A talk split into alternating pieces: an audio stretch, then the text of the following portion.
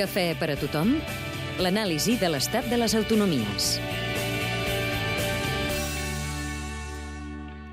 Andalusia. Capital. Sevilla, Governa.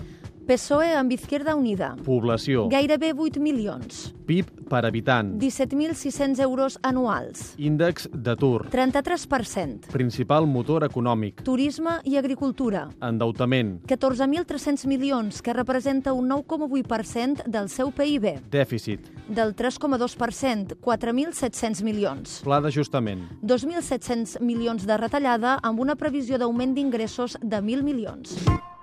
¿Cómo quiere usted el cafelito? Solo. Solo. ¿Cuánto le debo? Eh, 1.10. Dos quarts de dues del migdia, plaça de l'Alfalfa.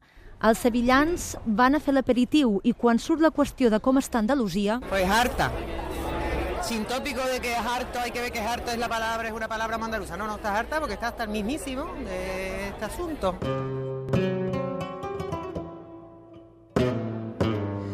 Després de diverses insinuacions del govern espanyol sobre una possible intervenció d'Andalusia, la consellera d'Hisenda, Carmen Martínez Aguayo, no hi troba explicació. No entendería yo por, por qué motivo. Me a mí si una comunidad autónoma que está endeudada 3,3 puntos por debajo de la media y que tiene unas, eh, unas cuentas eh, en general que soportan la comparación con cualquier comunidad autónoma, que me expliquen por qué razón. La Junta d'Andalusia també ha tingut una estira i arronsa amb Madrid pel pla d'ajustament, però no creuen ni que tinguin un dèficit excessiu ni un deute desbocat, sinó que estan sota el punt de mira. El nivel de rigor con el que se nos está en general valorando tiene un punto de, de exceso con respecto a otras comunidades autónomas. De retallades, les obligatòries i alguna més. reduciendo todos los capítulos, aplicando el incremento de jornada laboral a 37 horas y media, aplicando aquello que es obligatorio, tema de educación, a que vamos a poner dos horas lectivas más al profesorado, pero ya le digo que nosotros no vamos a incrementar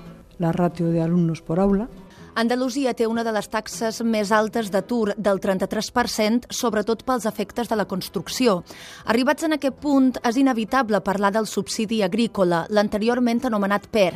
Es justifica perquè no hi hagi un abandonament de les zones rurals, però no tothom hi està d'acord. José María Oquean és degà d'Econòmiques de la Universitat Pablo de Olavide. Es un sistema que no tiene ningún futuro. Y ni además cuando tú hablas con las personas que lo reciben y le preguntas, ¿tú quieres este sistema para tu hijo? Dice ni hablar. Les balances fiscals són un tema espinós. Andalucía recibe lo que le corresponde en el Estado español por la población que tiene, con unos niveles, además, como le he explicado, de gasto por habitante que soportan la comparación. Somos una comunidad muy austera, ¿Subsidiaria o subsidiada? Si tú recibes más dinero del que aporta la caja nacional, sin duda lo eres, ¿no? Y claro que lo es. O sea, yo comprendo que los catalanes estén molestos o indignados, ¿no? Con estar esforzándose, pagando un montón de impuestos y saber que esos impuestos vienen aquí para que encima después los andaluces le digan que se sienten más felices.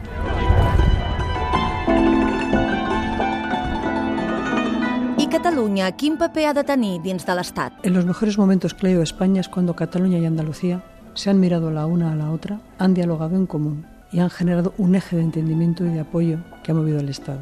Cataluña eh, ha sido siempre la región más moderna, la región más próxima a Europa, la que tiene una visión más abierta.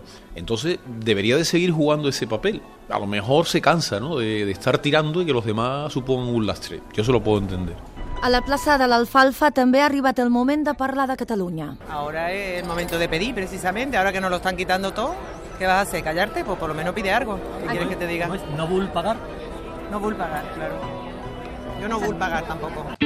Cafè per a tothom? L'anàlisi de l'estat de les autonomies.